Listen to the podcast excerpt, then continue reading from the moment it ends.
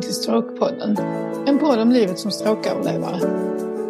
I podden kommer jag, Elin Andersson, att öppet och ärligt dela med mig om livet, dess upp och nedgångar och om hur min vardag som stråköverlevare ser ut. För den 7 januari 2023 började mitt liv 2.0, livet som stråköverlevare. Jag insåg väldigt snart efter insjuknandet att kunskapen och informationen till drabbade och anhöriga, framförallt till oss som är mitt i livet, är oerhört bristfällig.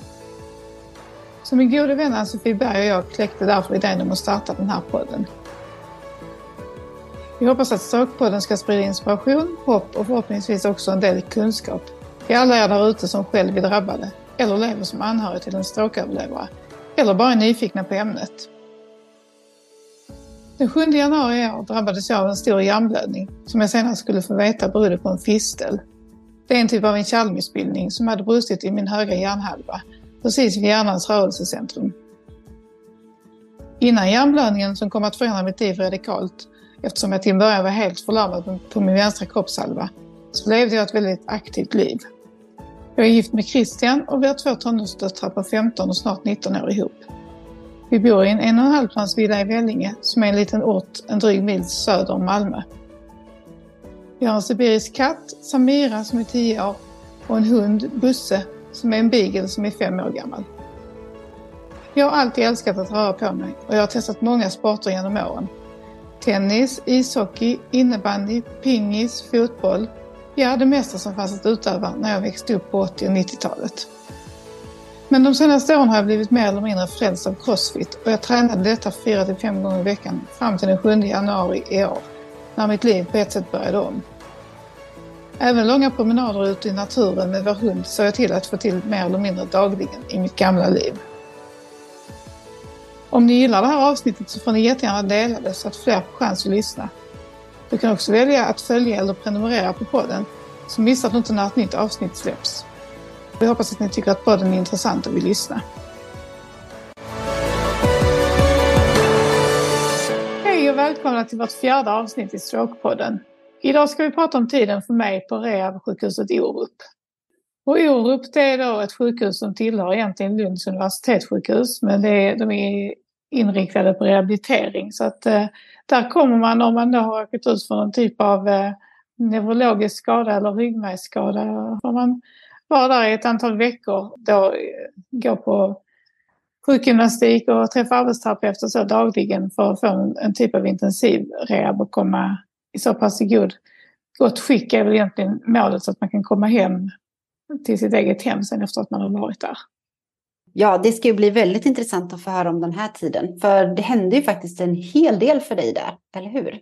Ja, det gjorde det. Det var en, eh, en rolig och spännande tid och där det hände mycket. Och även väldigt utmanande på många sätt. Ja, det förstår jag att det var. Men först så vill jag gärna höra hur den senaste tiden har varit för dig. Du var ju med om någonting som var ganska obehagligt i förra veckan. Kan du berätta vad som hände? Ja, det var jag. Eh, för en vecka sedan då när vi spelade in detta så var på fredagen som jag började må lite dåligt på eftermiddagen. Jag kände att jag var trött och illamående och jag började känna mig sjuk så att jag la mig på soffan och vilade några timmar där på eftermiddagen. Eh, men sen framåt kvällen när jag bestämde mig för att gå upp och sätta mig vid köksbordet och göra familjens sällskap vid middagen så kände jag hur eh, liksom min vänstersida började, det var i armen framförallt, eller handen, det kändes som att den började leva sitt eget liv. Som att jag fick, som fick spasmer eller ryckningar i handen. Kändes som att fingrarna började spela piano men när jag tittade på dem så rörde de sig inte utan det var liksom bara en känsla som jag hade. Så då tog min man min hand liksom och försökte massera den och då upptäckte jag att jag kände ingenting. Helt plötsligt så var all känsel borta i vänsterarmen och jag har ju haft full känsel på min vänstra sida ända sedan detta hände. Speciellt i arm och hand har jag känt precis som vanligt. Men plötsligt så kände jag inte när han tog, tog i den. Och det var superobehagligt och det fortsatte liksom så här kännas som att armen rörde sig och handen rörde sig fast den inte gjorde det. Så jag började få lite panik och tänkte att nu har jag fått en ny hjärnblödning. Och sen kände jag hur det här typ förlamningen flyttade upp mot ansiktet. Så jag började liksom tappa känseln i munnen och kinden och jag kände hur det började rycka i mungipan. Och min dotter som satt mitt emot mig sa att mina ögon började rycka och röra sig konstigt. Och så kände jag liksom hur det började domna in i munnen och ner mot halsen så jag blev livrädd och sa liksom till min familj att nu händer, det händer något jättekonstigt nu. Det känns som att hela vänstersidan blir förlamad igen. Så min man var ju snabb med att ringa 112 för han blev också orolig såklart. Och så, så han ringde och sen så fick jag prata. Jag var ju fortfarande medveten och så, så det var inte alls att jag höll på att tappa medvetandet. Så jag fick själv prata med ambulanspersonalen, eller med 112-personalen och beskriva mina symptom och så. Och hon eh, rådgjorde med en sjuksköterska under tiden som jag pratade med henne. Och så bestämde hon sig för att i och med att jag hade haft en hjärnblödning så skickade de en ambulans. Inte med blåljus men ändå så, som skulle komma snart. Och under tiden som jag pratade med 112 så kände jag hur symptomen började lägga sig. Jag fick tillbaka känslan i handen och ryckningar, de här spasmerna slutade liksom. Så ambulanspersonalen kom och jag flyttade mig in till soffan och låg där och, pratade med dem. Och de tog blodtryck och tittade med syresättning och lite så. Men de var från början ganska lugna och sa att det här är ingenting som vi behöver köra in dig för. Det är någonting som är ganska vanligt att det händer när man får en hjärnblödning. Så att bara liksom ta det lugnt och försöka att bara vila. Så, och händer det igen så får du så gärna åka in. Men det är ingenting som är farligt. Det kan vara bra för dig att veta. Så det kändes ändå tryggt. Så det var en jätteobehaglig upplevelse.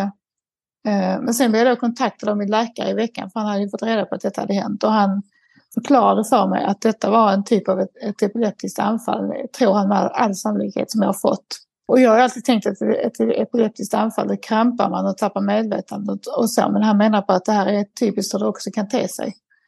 Så han har skrivit ut nu epilepsimedicin till mig, så jag äter tabletter två gånger om dagen. Som då ska minska risken för att få nya sådana här anfall.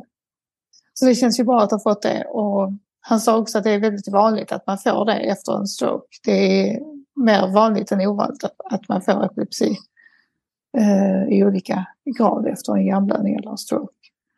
Var det någon som hade mm, berättat för dig innan att man kunde få det här efter en hjärnblödning?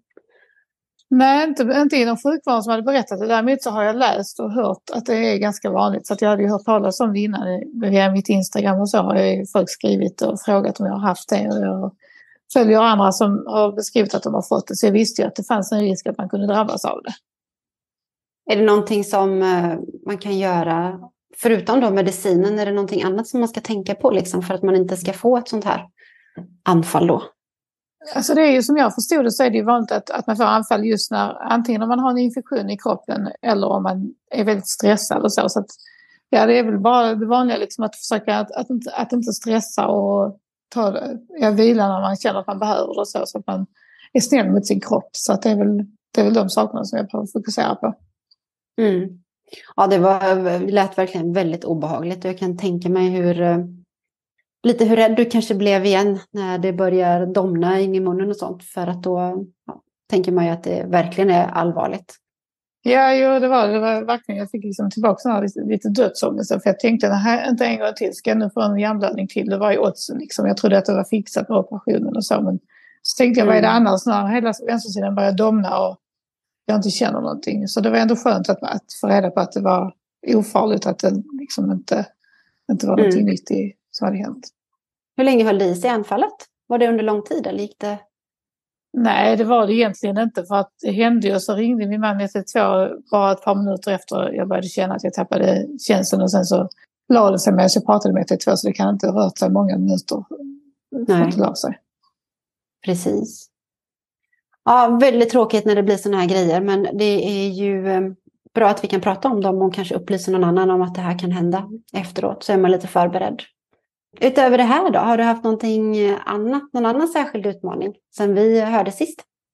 Ja, jag började jobba igen nu. Eh, förra fredagen, den 1 september, började jobba 25 procent. Och det är någonting som jag verkligen har sett fram emot att få komma tillbaka till jobbet igen. Jag har längtat hela sommaren för, efter att få semestern ska ta slut så jag får börja jobba igen.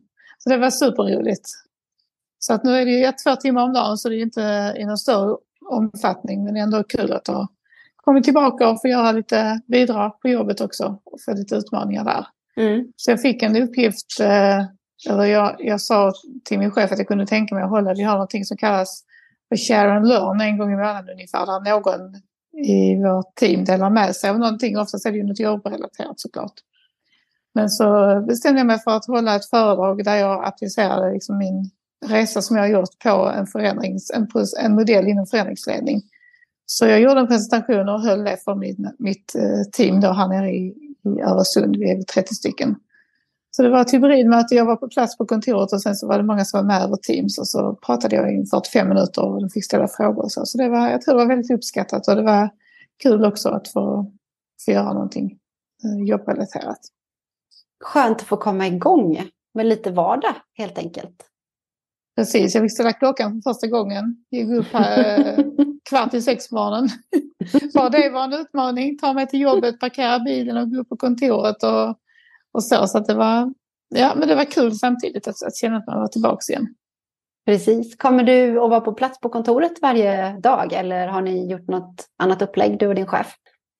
Vi har pratat om att jag ska vara på plats eh, i den mån det går att få till eh, två dagar i veckan och så jobbar jag hemifrån tre dagar i veckan. Så det känns ganska lagom för att de flesta hos oss sitter hemma och jobbar fortfarande. I och med att vi är konsulter så är det många som är, antingen sitter ute hos kunder eller som sitter hemma. Så det får, jag tror det kan funka bra.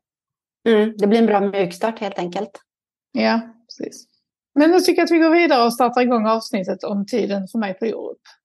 Ja, men det tycker jag också att vi gör. Och det första som jag tänker på när vi ska prata om Orup där, det är ju faktiskt eh, hur du kände dig när det var dags att säga hej då till Trelleborg och så gå vidare till nästa steg. Hur gick dina känslor då? Nej, men det kändes spännande. Jag vet att jag så när min läkare sa till mig ett par veckor innan det var dags att jag skulle få komma till Orup och så, så kände jag en väldig lättnad att jag skulle få lov att inte bara komma hem eller komma till något korttidsboende utan att jag skulle få komma vidare och fortsätta min rehabilitering och träna mer intensivt för att komma tillbaks till ett hyfsat normalt liv så jag kunde klara mig hemma. Så jag såg väldigt mycket fram emot att få flytta till Orup och hade hört mycket gott om det. Och alla i Trelleborg, sjuksköterskor och undersköterskor och så, pratade väldigt gott om Orup och de hade haft många patienter som hade åkt dit och varit jättenöjda med det. Och lärt sig en massa nya saker där. Så jag var väldigt så, jag såg fram emot det och tyckte att det skulle bli både spännande och, och roligt att komma dit. Mm. Och säg hej då till Trelleborg, det var ju eh, en tid som du var där också och kom säkert många nära kan jag tänka mig. Ja, det, jag minns att jag tyckte det var ganska jobbigt sista dagen när jag skulle åka till Orup och säga hej då till alla i, som hade tagit hand om mig. Det hade ändå tre veckor liksom, så man lärde ju känna många undersköterskor framförallt väldigt nära så liksom som hjälpte mig att duscha och tog hand om mig på alla sätt och vis. Så det var lite så här känslomässigt att vinka hej då. Men jag vet att de sa till mig, sen ser vi fram emot att du kommer tillbaka hit och springer i korridoren så vi får se liksom, dina framsteg. Så då tänkte jag att ja, det ska minsann göra. så att även om det var jobbigt och på ett sätt att lämna så var det ändå, jag tänkte att de finns ju kvar så jag kan komma hit och hälsa på. Och ja, de var ju väldigt så pushande att det skulle bli bra för mig på Europe. Så det kändes Eh, ja, det kändes framförallt roligt samtidigt som det såklart var jobbigt att lämna också. mm. så. Och jag minns ju när du eh, berättade det här att du skulle då ta dig till Orup och att ni då hade fått lov till att åka själva, du och Christian, utan sjukhuspersonal. Utan eh, du skulle få hoppa in i en vanlig bil. Ja. Och att han skulle fixa detta. Och då var du fortfarande inte helt rörlig som du är, rörligare som du är idag. Liksom. Eller som du var innan. Så jag vet att det var många utmaningar där också. Kan du berätta lite om den här färden? Ja, absolut. det var ju så att de erbjöd mig att jag skulle få sjukresa dit. Att det skulle komma liksom en sån sjukresebil med och, och köra mig upp där. Men så, så sa Christian också att kan, vi kan väl köra själva om du är okej med det. Då kände jag att det är mycket, känns mycket trevligare att vi kan ta det som en, en utflykt tillsammans. Så att, eh, han kom och hämtade mig i vår bil och eh, fick hjälp av, av min sjukgymnast i Trelleborg och, och ta mig in i bilen. För jag hade aldrig tagit mig, då kunde jag inte förflytta mig helt själv utan jag behövde liksom lite hjälp att ta mig från rullstolen in i bilen. Men, så det var jag lite nervös för men det gick faktiskt jättebra och sjukgymnasten var bra på att hjälpa mig in där så att jag kom in och kunde sätta mig. Vi fick in rullstolen i bagaget och så och sen så vet jag att jag var jättesugen på, för jag hade ju börjat dricka kaffe igen de första veckorna och tyckte inte att kaffe smakade gott men nu var jag liksom tillbaka i mitt kaffemissbruk igen. Ja, det ska vi väl säga att vi, vi gillar ju kaffe ganska mycket båda två så att det var ju en av de sakerna som jag kommer ihåg att vi pratade om precis i början där också. Har du fått något kaffe på sjukhuset Elin? Det var viktigt.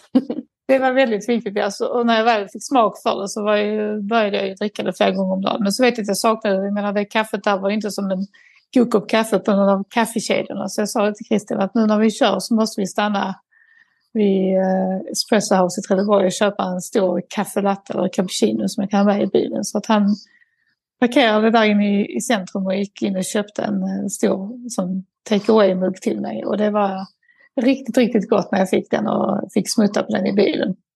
Så det var en, eh, det var en mysig färg. Jag vet att det kändes lite konstigt för att eh, mitt huvud, alltså jag var fortfarande lite så här, vad ska jag säga, snurrig. Alltså jag hade ju mycket huvudvärk fortfarande då och jag kände mig yr och så. Så jag vet när jag satt i bilen och han körde och när jag tittade ut åt sidan så blev jag nästan så att jag blev lite, inte åksjuk, men jag kände liksom att det var inte en hel, alltså det, var inte, det kändes inte som vanligt när jag brukade åka bil utan att jag kände att huvudet var inte riktigt hundra fortfarande. Mm, så jag var lite så nervös att jag skulle bli åksjuk, att det skulle bli någonting under färden. Men det gick faktiskt jättebra.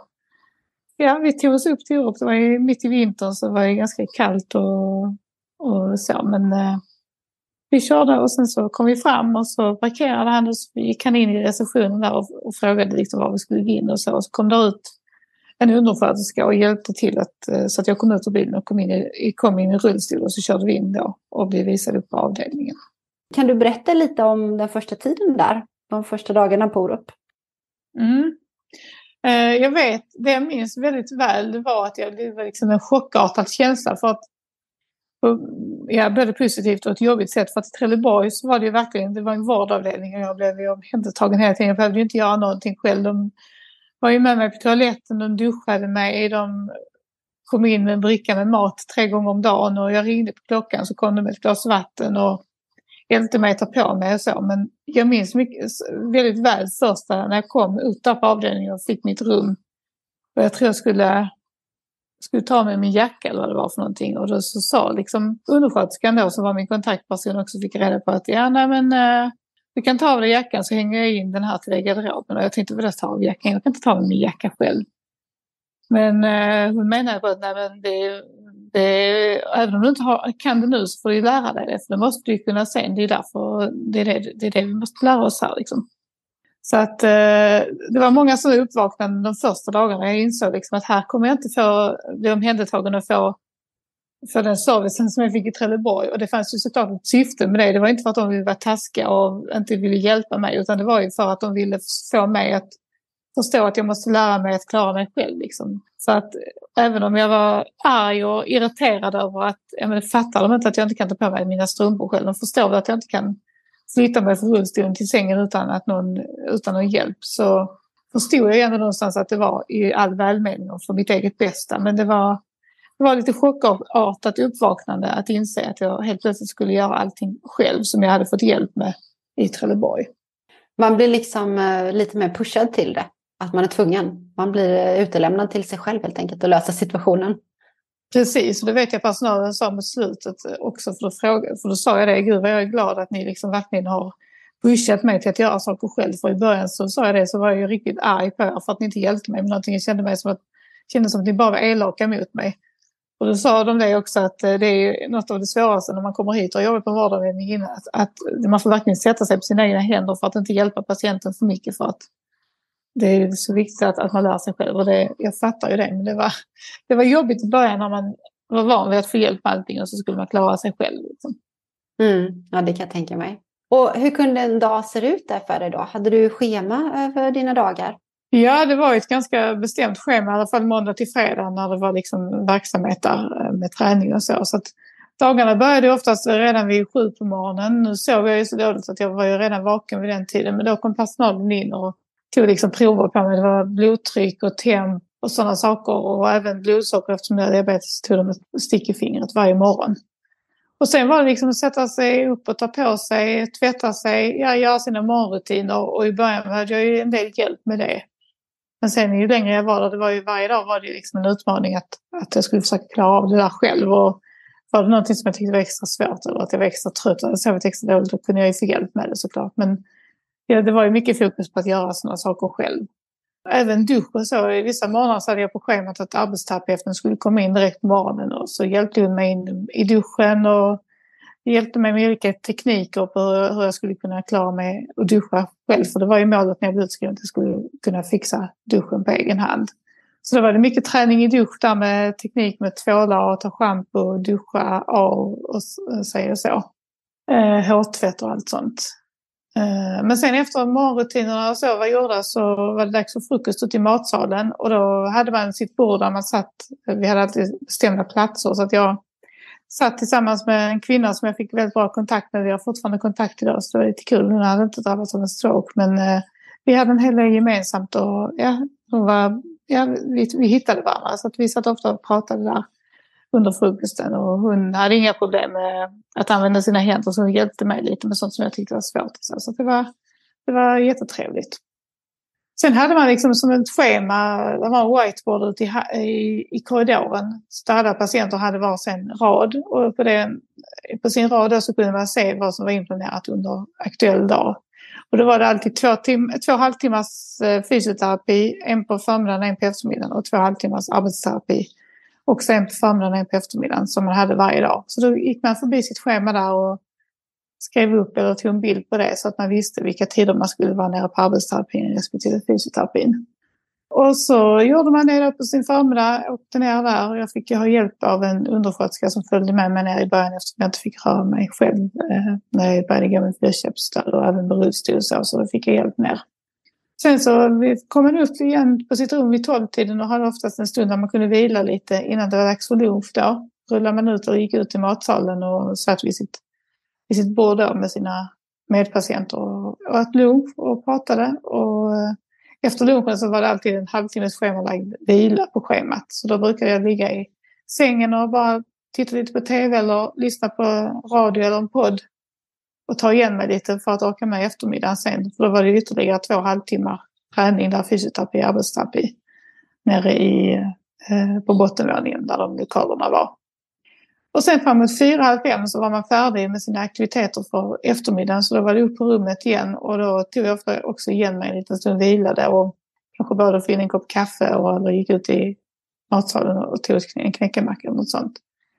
Och sen vid femtiden så var det för mig då tidig middag. Jag brukar aldrig äta så tidigt men fem var det middag på vardagarna på Europe. Så då var det återigen ut i matsalen och sitta med sina kompisar där vid bordet och äta middag. Ja, sen på, på, på kvällarna när jag inte hade besök då så satt jag ofta ute i, i det här dagrummet då där man också åt och tittade på tv och ofta så var det andra patienter där ute då också så då var det speciellt tre andra patienter som jag fick bra kontakt med. Så vi satt ofta där på kvällarna och pratade om allt möjligt och hade trevligt och ibland kom någon personal ut och satt, så satt vi där och småpratade och tittade lite på tv samtidigt. Så det var faktiskt väldigt trevligt. Eh, och sen så brukade jag rulla in igen på mitt rum vid nio tiden och satte mig och skrev lite i min dagbok och titta på tv då innan jag sen fick hjälp och eh, då fick jag ringa på klockan och så fick jag hjälp att lägga mig. Och, för jag kunde inte röra mig så mycket i sängen så då hjälpte liksom personalen, nattpersonalen mig med att lägga mig med kuddar och så, så jag låg i en bra ställning för att sova. Och sen så var det oftast på nätterna att jag fick ringa på klockan också och fick hjälp med att vända mig. För jag kunde inte vända mig själv utan då fick de komma in och hjälpa mig att lägga mig på sidan om jag ville komma på sidan eller om jag behövde på toaletten och så. Så det var, ja, jag var verkligen väl omhändertagen och fick hjälp och, och så på nätterna av jättegullig nattpersonal. Så det var ungefär så som en, ett dygn kunde se ut på Europe. Mm. Sen så var det ju inte, det var inte ett sånt eh, träningsschema som man kanske, alltså man tänker två halvtimmar på förmiddagen, två halvtimmar på eftermiddagen, det är ingenting. Men det, just mentalt, eh, när man är i det skicket och har haft en stroke så är det fullt tillräckligt. För jag minns att jag, jag fick ju vila väldigt mycket. Dels vilade jag alltid efter frukosten innan det var dags för de första aktiviteterna på förmiddagen. Och sen vilade jag en stund både innan och efter jag hade ätit lunch. Och sen så direkt när jag kom upp på eftermiddagen efter mina eftermiddagsaktiviteter så var jag tvungen att vila innan middagen. Och sen var det väldigt mycket ta det lugnt och vila även på kvällen. För att det var ju, man blev ju mentalt trött av, av all träning. Förändrades det när du, efter den här tiden på Orup, när du var klar där? Behövde du vila mindre då? Successivt har det blivit att jag behöver vila mindre och mindre. Jag kommer inte mm. exakt, jag tror när jag kom hem så var det fortfarande mycket att jag behövde vila. Men sen har det liksom blivit mycket bättre. Mm. Jag, idag behöver jag inte alls eh, tänka på att vila. Alltså då vilar jag kanske max en gång om dagen om jag varit igång mycket. Så att det har ju verkligen blivit helt eh, mycket, mycket bättre. Mm. Under hela tiden på Orup så fortsatte du med ungefär samma slags uh, vila i alla fall? Ja, det gjorde jag. Och det kunde vara väldigt olika från dag till dag. Vissa dagar behövde jag vila mer än andra. Så att, uh, men det var alltid vila flera gånger om dagen. Det var det varje dag. Mm. Hur var det? Hade du möjlighet att få besök på Orup också? Ja, där fick jag besök. Eh, ja, egentligen så var det väl efter, efter fyra på eftermiddagarna fick man ta emot besök. För fram till dess så var det liksom inlagda träningspass. Mm. Men på eftermiddagar, kvällar och helger, nu var jag ju hemma de flesta helger på permission, men första helgen när jag var kvar så fick jag ta emot besök. Så att jag, min mamma var, de bor ju ganska nära i Lund då, så att de var ju där ganska ofta och tog med sig mat och så hälsade på på kvällarna. Och även Christian eh, åkte upp och hälsade på mig väldigt många kvällar i veckan och barnen följde med när de hade möjlighet. Och en hel del kompisar som kom och hälsade på också efter jobbet och så, eller om de hade möjlighet. Eh, sa jag till innan så var det helt okej att komma och vara med och titta på när jag tränade också. Så det, Christian kom upp några gånger och tittade på mina träningar just för att se liksom vad, jag, vad vi höll på med just nu. Så han kunde hjälpa mig att träna hemma också på samma sätt som de gjorde där. Så det var stora möjligheter till besök.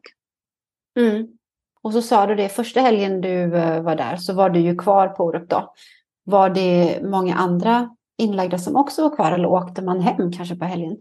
De allra flesta åkte hem på helgen och hade liksom permission från fredag eftermiddag till måndag morgon. Men mm. första helgen när jag var kvar så var det jag och några andra patienter från samma avdelning som också var nya. Så för ofta så var det så att första helgen så fick man vara kvar. Så att då var det några andra patienter som var där också. Så att eh, då hade man ju, fast man fick flytta ner så det, det var lite jobbigt att vi, jag bodde ju på en avdelning som stängde på helgerna. Så när man då var kvar över helgen så var man tvungen att rulla dem ner sängen och ens sängbord och man fick liksom packa en liten väska med sina kläder man skulle ha över helgen och så fick man ett lånat rum på bottenvåningen som då var en avdelning för ryggmärgsskadade egentligen som de då hade helgöppet på. Så mm. det var en liten omställning också att flytta ner till ett annat, annat rum, en annan avdelning just när det var helg. Mm. Och vad, vad hittade ni på första helgen då? När du hade Christian på besök? Ja, jag vet att då, på fredagskvällen där så kom både han och barnen upp och hälsade på och hade köpt med sig mat. Så då fick vi låna köket uppe på min avdelning som egentligen var stängd. Så kunde vi sitta där i lugn och ro och äta och vi spelade lite sällskapsspel och så. Så det var jättemysigt. Mm. Och sen på lördagen så eh, fick jag också, då kom också Christian upp på eftermiddagen och min syster kom med sin man och deras hund. Så vi var ute och gick en jätteskön promenad. Det var så en jättefin vinterdag minns jag med lite snö på marken och, och kyligt. Liksom. Så då rullade de mig i rullstolen för det hade jag fortfarande inte börjat gå än. Så gick vi en jätteskön promenad där och fikade inne på, på mitt rum och så och umgicks. Och sen eh, på kvällen minns jag så var det första deltävlingen i Melodifestivalen och jag är ett stort Mello-fan sedan många år tillbaka. Då var jag själv där på lördagskvällen och tittade på, på Melodifestivalen. Och sen eh, söndagen så kom en kompis och hälsade på och hade med sig fika. Så satt vi och fikade och snackade lite och hade trevligt. Och så kom Christian en sväng senare också. Och så var vi ute och gick en runda och då tog vi faktiskt bilen ner till eh, Orup ligger i en liten by som heter Hör som ligger mitt i Skåne. Och då tog vi bilen, eh, han lastade ner rullstolen och fick in mig i bilen också ner till, till den här byn då Hör. Och så hittade vi ett litet mysigt café där som vi satt oss och fikade på. Och så gick vi en liten sväng, eller han rullade mig i rullstolen en liten sväng i Hör sen efter vi hade fikat. Så det var skönt att komma ifrån sjukhusmiljön en stund och få mm. gå på ett café liksom och bara vara, försöka vara lite vanlig igen, eller vad man ska säga. Precis, det vi har pratat om förut också, det här med att uh, man får in lite vanliga saker som man brukade göra innan för att kanske komma ur den här bubblan och få lite energi och lite pepp och sånt också. Det kan jag tänka mig att det mm. kanske var precis vad den här helgen, helgen gjorde. Ja, det gav så mycket energi. Det var bara kanske en timme vi var iväg där. Det kändes så himla skönt att bara slippa, bara vara bland vanligt folk och sitta mm. och, och vara bara inte vara patient utan vara mig själv där på kaféet och dricka en kopp kaffe och äta en liten kaka och bara prata om någonting annat än, än eh, sjukhus eh, för en gångs skull. Så det var jätte, jättemysigt. Vi har ett samarbete med Strokeförbundet. Strokeförbundet har som uppgift att skapa bättre levnadsvillkor för de som fått en stroke och för deras anhöriga. Detta gör förbundet genom att skapa opinion, påverka samhälle samt politik. Det handlar om att informera om stroke och dess symptom, Särskilt hur man förebygger och upptäcker när någon drabbats av en stroke. Det är mycket viktigt att få en diagnos tidigt så att behandling kan sättas in så snart som möjligt. Förutom att Strokeförbundet är en medlemsförening för dig som är strokeöverlevare eller anhörig så samlar de inom ramen för Strokefonden in gåvor som bland annat stödjer Strokefondens forskning om stroke och dess konsekvenser med drygt 4 miljoner årligen. Vill du vara med och bidra? Gå in på strokeförbundet.se. Där kan du skänka en gåva och själv bli medlem. Vi har ett samarbete med Optima Rehab. Behöver du rehabilitering? Optima Rehab erbjuder intensiv rehabilitering i Spanien. I tre veckors tid, fem dagar i veckan, Sex timmar per dag tränar du med specialister inom rehabilitering. Du tränar med fysioterapeuter, arbetsterapeuter och neuropsykologer. Har du problem med talet så får du träna med en logoped. Du kan få ersättning för rehabiliteringen via Försäkringskassan. Optima Rehab hjälper dig att ansöka. Ring 08-663 3349 eller mejla till info optimarehab.se. Kan du inte resa men behöver träning? Då rekommenderar vi Optima Online. På Optima Online hittar du träningsfilmer, alla anpassade för personer med funktionsnedsättningar. Gå in på www.optimaonline.se. Men då var det ingen träning på helgerna? Nej, det var det inte och det tyckte jag var lite jobbigt. För att jag vill ju gärna träna så mycket som möjligt. Jag vet att jag sa till min fysioterapeut någon gång när de hade missat att lägga in två träningspass om dagen. Att jag vill ha, varför har jag ingen träningspass nu på eftermiddagen? Du måste lägga in ett nytt pass till mig. Och så gjorde han det. Och jag vet att jag frågade också just den helgen när jag visste att jag skulle vara kvar, att kan jag inte få lite övningar och lite redskap upp på rummet så att jag kan träna själv nu under helgen. Och då fick jag låna med mig lite bollar och så, så att Christian kunde hjälpa mig att träna på, på rummet. För att jag, jag var ju väldigt fokuserad på att jag ville komma tillbaka. Jag tyckte liksom att två dagar utan att få träna upp mina funktioner igen, det var liksom två dagar för mycket att inte göra någonting på. Så att jag, jag är väldigt så ihärdig att, att få hålla i träningen även på helgen. Och ni hade tillgång, jag vet att du sa att ni fick också tillgång till träningsrummet va? Eller? Nej, inte på Orup tyvärr, utan här var det liksom stängt. Där stängde de i träningslokalen på helgen så då fick man mm. träna i, i sitt rum. Mm, då förstår jag. Det var därför du fick eh, låna med dig grejer upp då. Jag förstår. Precis. Men eh, hur kändes eh, kroppen så här första tiden på Orup då? Nej, men kroppen den Alltså, eh, ju mer tiden gick desto mer märkte jag att jag kunde få tillbaka vissa funktioner i framförallt benet men också i armen. Så att det blev ju successivt bättre även om jag så här i efterhand har svårt att säga hur fort det gick. Men eh, jag minns till exempel att efter, efter en vecka tror jag det var så fick jag börja gå i då fick jag en skena av min sjukgymnast som jag skulle ha på min, i min sko som liksom gick upp över smalbenet. Och den stabiliserade då foten och fick, fick mig till att lättare kunna lyfta på foten. Och när jag fick denna skenan så var det liksom som att det gjorde jättemycket för min gång. Helt plötsligt kunde jag lyfta foten mycket lättare och ta ett steg mycket bättre än vad jag kunde utan skenan och vad jag hade kunnat innan. Så den här skenan var ett stort framsteg för mig för att helt plötsligt så kunde jag gå utan att släpa foten efter mig eh, i barren då. Jag gick fortfarande inte med någon käpp och sånt, utan det var ju fortfarande satt i rullstol. Men jag fick provgå i en sån här barr då som är som ja, två stycken eh, räcken liksom som man kan hålla på båda sidorna och, och känna sig trygg när man går. Så det, sånt märkte jag ju skillnad på direkt, liksom att eh, ju, ju mer tiden gick och ju mer jag tränade där så fick jag tillbaka mer och mer funktion i framförallt benet. Men det som var jobbigt och så, det var ju handen. För att dels så märkte jag minst förbättringar där. Det tar ju längre tid, jag fått veta både för arm och hand att komma igång. Men jag hade ju sådana himla smärtor i handen, nervsmärtor, så jag sov ju knappt nätterna. Det var ju liksom, i princip alla veckor jag låg på Europe så sov jag eh, 20, 20 minuter åt gången ungefär på nätterna. Sen vaknade jag av att jag hade en fruktansvärd smärta i, i handen. Och den, det spelar liksom ingen roll hur mycket de trappade upp på den här nervsmärtsmedicinen. Det, den kom varenda natt ändå. Och ehm, det var superjobbigt att just inte kunna få sin nattsömn och ha så ont. Det är svårt att beskriva den smärtan så här i efterhand. Men det var fruktansvärd nervsmärta som, som kom varenda, alltid bara på nätterna. Men så fort jag liksom slappnade av och kom in i, började somna så kom den här smärtan och gav sig inte förrän jag gick upp på morgonen och började röra på mig igen.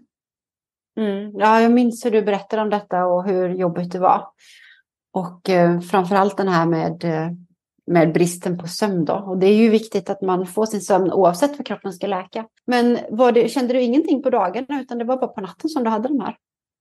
Ja, det var det som var så märkligt. Det var bara på nätterna. Det, kom näst, eh, det var någon gång på dagen det kunde komma med och vila i, i sängen och så. Men aldrig när jag var uppe och, och igång. Utan det var bara när jag liksom var vilad. Och jag vet att jag uppmärksammade ju läkarna på detta ganska snabbt eftersom just sömnen, det var så frustrerande att inte få sova. Så de försökte ju liksom både med hjälp av att öka medicineringen men också med hjälp av kuddar. Min sjukgymnast försökte eh, säga till mig att ligga i olika lägen med armen och så men ingenting hjälpte. Så att till slut efter en månads tid så skickade de mig på en undersökning, en nervundersökning där de liksom stack in nålar och gav mig som elektriska impulser och stötar för att ja, kolla om det var någon nerv som var skadad. Och då hittade de att det var någon sån nerv som går liksom från ryggmärgen ner i armen som, var, som låg kläm någonstans. Så då gjorde de en MR-röntgen för att kolla så att det inte var ett diskbråck, men det var det inte. Och ja, de, de hittade liksom inte lösningen på det utan jag, jag åkte faktiskt hem från Europa med den här nervsmärtan fortfarande i handen. Så att första veckan när jag var hemma så sov jag inte heller någonting. Det var, det var verkligen en tortyr. Sex, sju veckor med ingen sömn alls på nätterna nästan som gjorde att jag var trött på dagarna och inte kunde träna riktigt heller. Så det var mm. först när jag kom till, till Dagreb i Trelleborg och de sa till mig att ta bort eh, den här, eh, en typ av ortos över axeln som skulle hjälpa till att hålla axeln i led. För att eftersom jag inte hade någon funktion i armen så hade axeln en tendens att inte hoppa ur led men liksom åka ner. På något sätt. Så skulle den här ortosen hjälpa till att hålla axeln uppe. Och när arbetsterapeuten vid Trelleborg bad mig att prova att ta bort den. Det var i samband med det som smärtan i handen släpptes och sen så sov jag fulla nätter från att jag tog bort den faktiskt. Och har inte känt av den här nervsmärtan överhuvudtaget sedan dess. Men det var, om det sen var den eller någonting annat som, som var lösningen, det vet jag inte. Men det var den enda förändringen jag gjorde för att få smärtan att släppa. Mm. Hur var det med hjärntröttheten under den här tiden? Ja, men jag var fortfarande väldigt hjärntrött. Det var som jag sa innan, att jag vilade flera gånger om dagen. Och, jag kunde, och det var svårt också att veta. Det var så från dag till dag. Vissa dagar kunde jag vara mindre hjärntrött, vissa dagar var jag jättehjärntrött. Så det var ju liksom, och det, det, därför var det så skönt att ha så mycket luft i schemat att det inte var. För jag vet, när jag kom dit först tänkte jag två halvtimmar på förmiddagen och två halvtimmar på eftermiddagen. Det är ingen träning alls. Liksom, är detta det enda jag ska få ungefär? Men det upptäckte jag ganska snart att det fanns ett syfte med det. För att jag behövde ju verkligen den här andra tiden till återhämtning. Till att bara liksom ligga på sängen och ta det lugnt eller lyssna på en podd eller läsa en bok. För att träningen tog så mycket på det psykiska. Mm. Och sen andra veckan på Orup, då fick du faktiskt helgpermission. Kan du berätta lite om hur det gick till? Ja, det stämmer. Eh, det var så att jag redan då, första helgen när jag var kvar, när jag inte fick permission, så kände jag att nästa helg vill jag hem. Det händer ju, även om det var helt okej att vara kvar, så det händer inte så mycket där. Det är liksom, all verksamhet stängs ner. Det är egentligen bara ren omvårdnad på helgen. Det är ingen träning eller något sånt. Så att jag sa ju nästan direkt där på måndagen till min arbetsterapeut och fysioterapeut att nu till helgen kan jag inte få åka hem. då har helt permission liksom att komma hem. Och då sa de att jo absolut det kan vi göra, det, för vi, det ska vi försöka sträva mot.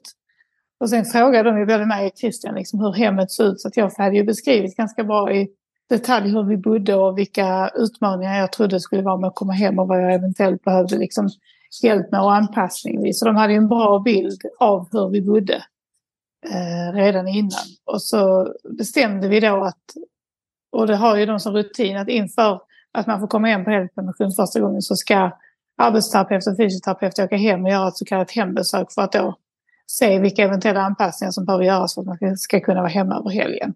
Men i och med att jag hade beskrivit då hur vi bodde och så, så var det ganska bestämt från början att jag skulle få vara hemma över helgen. Så att på fredagen då, samma, alltså fredagen innan helgen, så åkte vi hem tillsammans. Jag och arbetsterapeuten och fysioterapeuten åkte i en sån här stor minibuss hem till mig. Eh, och Christian var hemma och mötte upp oss. Och sen så var de kvar hemma hos mig ett par timmar och vi gick igenom liksom toalett och badrum och sovrum och kök och så och tittade på hur det skulle fungera för mig att vara hemma. För jag var ju fortfarande rullstolsburen så att det var ju viktigt att jag kunde liksom ta mig runt i hemmet och kunna ta mig in på toaletten och så med min rullstol. Eh, och de hade också med sig en sån toasits med handtag som jag fick låna över helgen som de fäste då på toaletten så att jag skulle kunna gå på toaletten och så. Och sen även en duschpall hade de med sig som jag fick låna. I och med att jag inte kunde duscha själv och stå i duschen så fick jag låna det så jag kunde sitta ner och duscha över helgen. Så efter att de hade varit där ett par timmar och vi hade liksom testat att gå in på toaletten, testat att lägga mig i sängen och så. Och så så att rullstolen gick in i vardagsrummet och så. Så, så sa de hej då, önskade en trevlig helg. och åkte tillbaka till Europa igen och så fick jag då fortsätta stanna kvar hemma med, med Christian och så. Så det, ja, det, det funkade bra. Mm. Och ni behövde inte göra några förändringar på själva hemmet utan det, det funkade ändå liksom? Ja, det funkade tack vare den här toasitsen då. Så jag hade handtag på toaletten och duschstolen mm. så att jag kunde sitta och duscha. Så funkade det bra i hemmet. Sen så var det ju tack vare då att Christian var hemma och så. Alltså jag hade inte kunnat, i det, i det skicket jag var då hade jag inte kunnat klara mig helt själv på helgen. Men I och med att han var hemma och ledig så kunde han ju hjälpa mig med påklädnad och fixa frukost och med dusch och så. Så att jag hade ju liksom honom hemma eh, så, som hjälp liksom över den helgen. Mm. Så jag kände mig, kände mig trygg med det. Eh, så jag fick med mig, jag åt ju mycket medicin då, så jag fick med mig sådana här Dusett sånt som man kanske mest tänker att gamla människor har med fullt med medicin. Jag åt ju två, mellan två och fem tabletter fyra gånger om dagen då. Så att jag fick ju med mig den här dosetten hem och med tidpunkter på och så, så att jag kunde ta mina mediciner när jag behövde det och därför ett nummer också till upp eh, om det skulle vara någonting så jag kunde ringa och rådfråga sjuksköterska där. Jag fick med mig liksom extra värktabletter och sömntabletter och så och illamåendetabletter om jag skulle känna att jag behövde det. För jag hade fortfarande väldiga smärtor på nervsmärtor i handen som jag sa innan och ganska mycket huvudvärk och illamående på förmiddagar och så. Så jag fick liksom med mig ett helt kit där så jag skulle vara rustad för att klara av helgen. Så det kändes ändå tryggt att, att vara hemma liksom, med, under de förutsättningarna. Mm. Och du hade också planerat in någonting roligt? Extra roligt den här helgen när du var hemma? Ja, det hade jag. Eh, jag kände ju direkt då när jag fick okej okay att jag skulle få åka hem att nu ska vi göra, nu vill jag göra något kul den här helgen. Liksom. Även om jag visste att jag var ganska hjärntrött och så, så kände jag att någonting ska jag orka med att göra. Så att jag eh, skrev till de här träningsgänget då som, eh, som var med när det hände, när jag fick min hjärnblödning och som vi brukar umgås även privat på AVs och lite fester och så. Så jag skrev till dem och frågade om de var sugna på att ses nere på kvarterskrogen där på fredag eftermiddag för en after work. Och alla, eller i princip alla hoppade på på en gång och hade inga andra planer utan tyckte att det var en jätterolig idé att ses igen. Så att eh, vi möttes upp där på eftermiddagen. Jag tog mig ner i, jag satt som sagt i rullstol så Christian körde ner mig i rullstolen. Um, vi har inte så långt ner till centrum, i kilometer ungefär, så det var ju enkelt för honom att, att köra ner mig där. Och sen så eh, hjälptes um, gänget upp och lyfte upp mig på, i, in på puben då. För det var fyra sådana ganska höga trappsteg upp så jag kunde inte gå upp själv. Men de var ju starka såklart. Så de bar upp rullstolen där hur enkelt som helst. Så kunde jag sitta med vid bordet och ja, vi satt där och umgicks och snackade och hade supertrevligt. Och det kändes liksom som jag kunde vara mitt gamla jag igen. Det var liksom ingen sjukhusmiljö, inte så, såklart pratade vi en hel del om, om vad som hade hänt mig. Men ändå att det kändes mer som mitt gamla jag igen i en annan, helt annan miljö. Liksom. Så det var jätte, jättekul. Och Olivia, min äldsta dotter, hade hjälpt mig innan med att sminka mig och fixa håret och så. För det hade jag svårt att göra själv. Och på mig lite roliga kläder och så. Så det kändes himla kul att, att få vara mitt gamla jag igen för, för en stund i alla fall. Mm, det måste varit hur härligt som helst. Och då, då är vi ju liksom tillbaka där igen, hur viktigt det är att man får göra de här vanliga sakerna. Och, som att träffa kompisar på en AV till exempel. Det här eh, med att sätta upp håret. Det är ju en sak som är ganska enkelt när man har två fungerande händer. Men med en hand, jag kan nästan inte ens tänka mig hur, hur löser man det? Hur, hur, gör du idag? Har du hittat något knep för det än?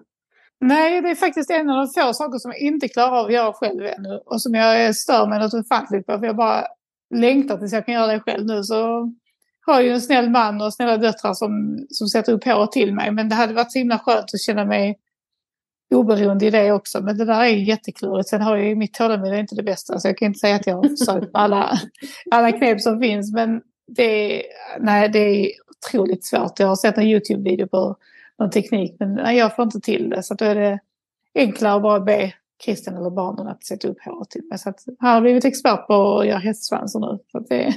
ja, det är bra, det kan jag tänka mig. Det är kanske är något vi ska be våra lyssnare om det är någon som har något extra, extra bra knep där så får de hemskt gärna dela med sig av det. Ja, och helst inte det här knepet med att ta dammsugaren som Christian har föreslagit, för det, det känns inte aktuellt. Men vad var det mer som utmärkte den här tiden på Orup? Hade du till exempel några tydliga mål som du ville uppnå under den här tiden? Ja, men ett tydligt mål var att jag sa ju redan från början att jag vill inte, komma, jag vill inte bli utskriven härifrån från att jag, från att jag kan gå så pass bra så att jag kan komma hem utan rullstol. Det var liksom ett tydligt mål jag hade att jag vill inte, jag vill inte komma hem och ha en rullstol hemma utan jag, jag ska kunna gå så pass att jag kan ta mig runt på mina egna ben med käpp eller vad det nu är för någonting. Men hellre då bara gå korta sträckor men rullstol var, var jag bara helt klar att det, det ska jag inte ha för att jag, jag blev liksom aldrig riktigt vän med den. Eh, den kändes bara som att eh, det var inte jag, liksom, den vill jag inte ha. Sen var den ju jättebra att ha i början när jag absolut inte kunde gå. Men jag kände ändå ganska direkt att jag ska kunna komma tillbaka så pass att jag inte behöver denna. Så alltså, det hade jag. Vi gjorde en sån rehabplanering efter ett par veckor på Europa. Någon, eh, någonting som man alltid gör där tydligen när man träffas då läkare, sjuksköterska, undersköterska, fysioterapeut, arbetsterapeut och så sitter man och pratar igenom då en rehabplan på vad är det jag vill kunna och vad ska jag ha uppnått innan jag blir utskriven härifrån. Så gör man en sån plan och i den planen så var det att jag vill kunna gå med, utan en rullstol och kunna ta mig runt i hemmet på egen hand så att säga. Hade du fler mål på den där listan som du har klarat av idag? Just på den listan, så, alltså ett mål var också att bli av med smärtan i handen och det, det blev jag av med några veckor efter jag kom hem då, som jag sa. Men eh, annars var det mycket det här att vara självständig. Jag hade ju gärna velat vara kvar där ytterligare veckor vet jag att jag tjatade om för att jag ville komma igång mer med handen också så att jag kunde använda den på ett bättre sätt. Men så här i efterhand så tror jag ändå att det var ganska lagom med de sex veckorna för det var ju ändå så pass rustad så att jag kunde jag kunde ta, ta hand om mig hemma. Och jag vet jag hade som mål också att kunna duscha själv och det lyckades jag också lära mig på de här veckorna, att ta på mig kläder på egen hand och även kunna gå kortare sträckor utomhus på ojämnt underlag som gräs och så eftersom vi har trädgård. Det var också ett mål jag hade. Så fick jag träna på Porup också på fysioterapin och vara ute och gå på deras gräsmatta. Så att eh, de målen jag hade satt upp hade jag lyckats uppnå tills jag blev utskriven. Och även gå lite i trappor hade jag också som ett mål som jag också lyckades med. Ja, det är helt fantastiskt. Och du fick ju faktiskt du fick ju börja gå med sån här fyrkäppsstöd eh, på Orup. Och hur snabbt eh, fick du börja med det? Jo, det fick jag börja med. Jag minns att det var faktiskt, jag satt inför det här avsnittet så ska jag faktiskt säga att jag satt och läste min dagbok. Jag skrev i dagbok varje dag när jag var på Orup, och, ja, första halvåret. Jag kände igår när jag skulle, vi skulle spela in detta att jag måste nog uppdatera lite vad som faktiskt hände på Orup. För då, allting flyter ihop liksom. Och då satt jag och gick igenom dagboken. Och två veckor efter att jag kom till Orup så fick jag börja gå med det här fyrkäppstödet som jag testade lite snabbt i Trelleborg innan jag åkte därifrån. Så då vet jag att eh, fysioterapeuten introducerade det för mig en dag när vi skulle, när jag fick den här skenan också som jag pratade om innan som hjälpte mig att lyfta bättre på foten. Så då fick jag prova att gå ner i träningsrummet med det här fyrkäppsstödet med hjälp eh, av eh, den här skenan på foten också. Och det var en så himla häftig känsla att äntligen kunna liksom släppa rullstolen och ta mig fram för egen maskin. Eh, dock med en käpp, ja, men att det ändå gick. Så från och med där vecka två så började jag gå med det här fyrköpsstödet eh, uppe på avdelningen också. men jag fick inte gå själv utan det var liksom, jag var alltid tvungen att ringa på klockan och ha med mig personal när jag gick med den. Så att, eh, men, men ändå att kunna gå ut i matsalen istället för att ta rullstolen var jättehäftigt. Och, ja, ta, ta mig runt, ta mig ner till fysioterapin för det var liksom på bottenvåningen och avdelningen var tre, på tredje våningen. Så då var det alltid en undersköterska som fick följa med mig ner i hissen och fick gå med mig bort till fysioterapin. Men jag kunde i alla fall gå för egen maskin. Så det var jättehäftigt. För fram till dess hade jag ju bara åkt rullstol hela tiden. Och jag vet också att jag fick rullstolsträning som en sån här eh, aktivitet på schemat en dag och jag blev jätteirriterad och gillade inte alls det. Även om det var en supergullig man som eh, liksom själv var rullstolsburen sedan 30 år tillbaka som lärde mig olika, olika tekniker på rullstolen så kände jag bara hela tiden att varför ska jag lära mig detta? Jag ska inte sitta i en rullstol, jag ska hem och jag ska gå själv. Jag behöver inte lära mig hur man kör en rullstol. Det var liksom de enda, de enda sakerna jag kunde tänka på under den halvtimmen som vi tränade. Så jag sa faktiskt till efteråt att jag vill inte ha fler sådana här rullstolsträningar på mitt schema för att mitt, jag ska inte sitta i en rullstol när jag kommer hem härifrån. Det var liksom ett så tydligt mål jag hade så jag tyckte bara att det var slöseri med tid och att det gjorde mig irriterad. Mm. Men den här eh, fyrkäppstödet som du började med då, den har du ju faktiskt, eh, har du bytt ut den två eller tre gånger? Tills i dagsläget ungefär. Vad har du idag? Idag har jag en sån här typ eh, vad kallas det, vandringskäpp som man kan ha. Man har egentligen en i varje hand när man går som promenadkäpp. Eh, men först så hade jag ju som sagt fyrköpsstödet och det är typ som en krycka fast det är fyra punkter ner till så att det har ett mycket bättre balans. Man får mycket mer balans på den än en vanlig krycka. Så den hade jag först men sen bytte jag ut den mot en vanlig sån krycka eh, som jag hade då i, i högerhanden. Eh, men efter ett tag då, efter en månad så kände jag att när jag gick med den här kryckan så lutade jag mig. Jag, litade, jag vågade inte lita så mycket på mitt vänsterben utan jag hittade liksom en trygghet, trygghet i att luta mig väldigt mycket på kryckan på min högersida. Så att jag överbelastade nästan högersidan och fick lite ont i den axeln. Så då eh, bytte jag ut det på eget initiativ mot en sån här gubbkäpp kallade jag det för. Jag köpte på nätet en sån här svart käpp som eh, gubbar hade i gamla filmer om man tänker sig. Eh, så en sån gick jag med sen efter kryckan och den hade jag väl fram till i somras när jag sen bestämde mig för att testa med promenad stav istället just för att ännu mer sluta belasta för mycket på högern. För även med den här käppen så hade jag en förmåga att eh, lägga över mer tyngd än vad jag behövde på högersidan. Men nu när jag har den här vandringskäppen så måste jag liksom belasta lika mycket på vänster när jag går. För den är inte så pass stadig så att jag kan lägga allting på, på höger. För då skulle jag, då skulle jag tappa balansen. Liksom. Så att jag har hela tiden utmanat mig med att, att byta upp mig till svårare hjälpmedel. Eller vad ska jag säga. Så nästa mål är nu att släppa käppen helt. Och det har jag gjort hemma. Jag går utan att ha hjälpmedel hemma. Men jag vill även kunna jag skulle nog kunna gå ut utan käpp också, men jag har med det mest som en trygghet för att jag känner att blir jag trött och så, så vill jag ha den så att jag kan använda den som stöd. Mm. Och, och, det kanske också är det där att man har man den så ser andra att man inte är helt stabil heller. Att det kan vara en, en signal. Jo, så är det ju. Det blir ju mer tydligt då att eh, på gott och ont. Sen är det ju, fast sen ser ju inte min gång normalt ut. Även om jag tar en käpp så ser man att jag har problem att gå. Men det är klart att det ger ännu mer signal på att, att eh, här kommer någon som är lite ostadig så att man är lite mer uppmärksam kanske. Mm. Du hade ju under den här tiden lite problem med kosten som erbjöds på de olika sjukhusen. Ja, det stämmer. Ja, den passade inte riktigt mitt sätt eh, som jag var van att äta innan jag drabbades av hjärnblödning. Eh, jag har ju diabetes typ 1 som jag berättat om innan sedan barnsben. Och jag har alltid, eh, eftersom jag tränar mycket, så har jag försökt att äta färre kolhydrater eller långsamma kolhydrater för att jag har lättare att reglera mitt blodsocker då. Och speciellt inför träningspass så har jag oftast undvikit kolhydrater eller ätit väldigt få. Men här på sjukhuset så var kosten en helt annan. Här var det mycket snabba kolhydrater som pasta och potatismos och ris och så som jag inte äter så mycket av i vanliga fall. Så jag hade ju hoppats och trott att man kunde välja lite andra alternativ än, eh, än det som fanns. För att jag, eftersom min kropp är van vid en viss kost så var det svårt för mig att ställa om och få mitt blodsocker normalt med den kosten som erbjöds på sjukhuset. Jag frågade efter någon typ av diabeteskost eller hälsokost eller vad man ska säga, men det fanns inte att erbjuda. Så därför så var det jättesvårt för mig att få ett normalt blodsocker, att inte få de här topparna i blodsockret som, som jag vill undvika just för de snabba kolhydraterna och att jag hade svårt att reglera blodsockret efter den kosten. Mm. Och det måste ju vara någonting som eh, många kanske kan behöva, en lite hälsosammare alternativ helt enkelt till vad man stoppar i sig.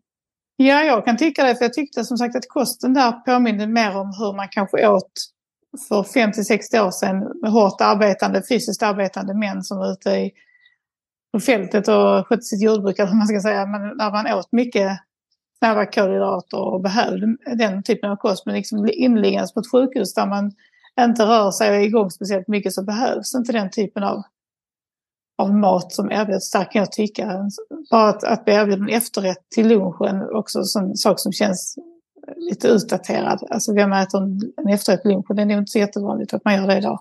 Så jag hade liksom trott och hoppats att det skulle finnas några andra alternativ än det som, som erbjöds. För jag tror att det var, och jag vet att det var många av mina medpatienter som hade samma åsikt, även om inte de hade diabetes, att de tyckte att kosten liksom inte var vad de hade önskat.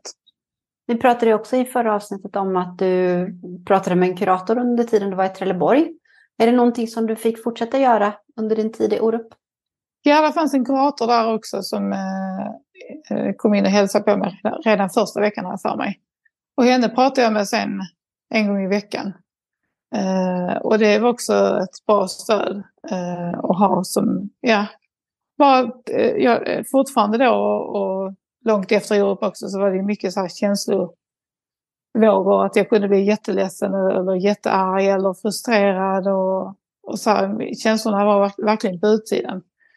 Och hon hjälpte mig mycket med den hanteringen av dem. Liksom hur, ja, vi pratade mycket och jag kunde komma hem in till henne och, och vara ledsen. Och så satt vi och pratade. Och så, så det, kändes, det kändes jätteskönt.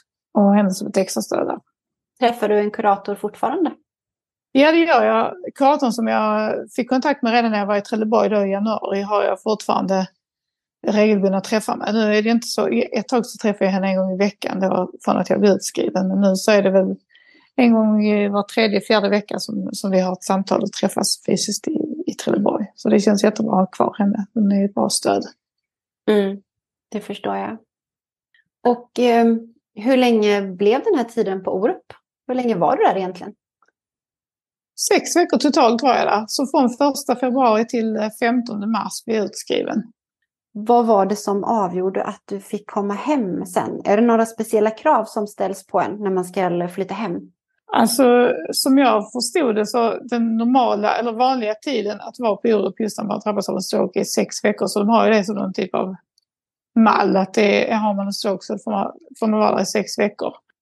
Sen gör man ju också en sån här rehabplan som jag pratade om där man skriver upp liksom vad ska, vad ska patienten kunna när han eller hon blir utskriven härifrån. Eh, och, vad, och där är det ju dels mina egna mål och även vad de ser är realistiskt.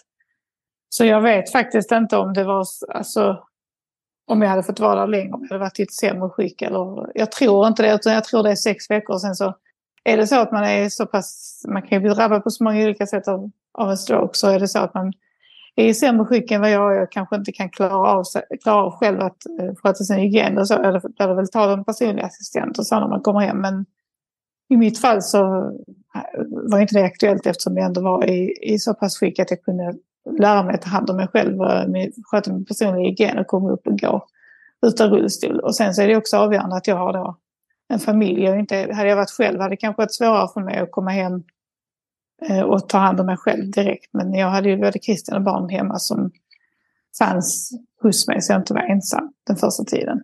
Mm. Och vi var ju alla, vi var alla så jätteglada när du äntligen fick komma hem och att du hade kommit så långt i din rehab att du inte behövde rullstolen till exempel och att du klarade dig själv. Så nästa avsnitt så ska vi prata om den här första tiden när du kom hem, hur det var. Ja, men det ska vi. Så vi hörs nästa gång. Vill ni följa med mig på min resa så finns jag på Instagram och där heter jag Elin Strokefighter. Och där på Instagram så delar jag med mig av min rehabilitering och min träning och mina utmaningar i vardagen.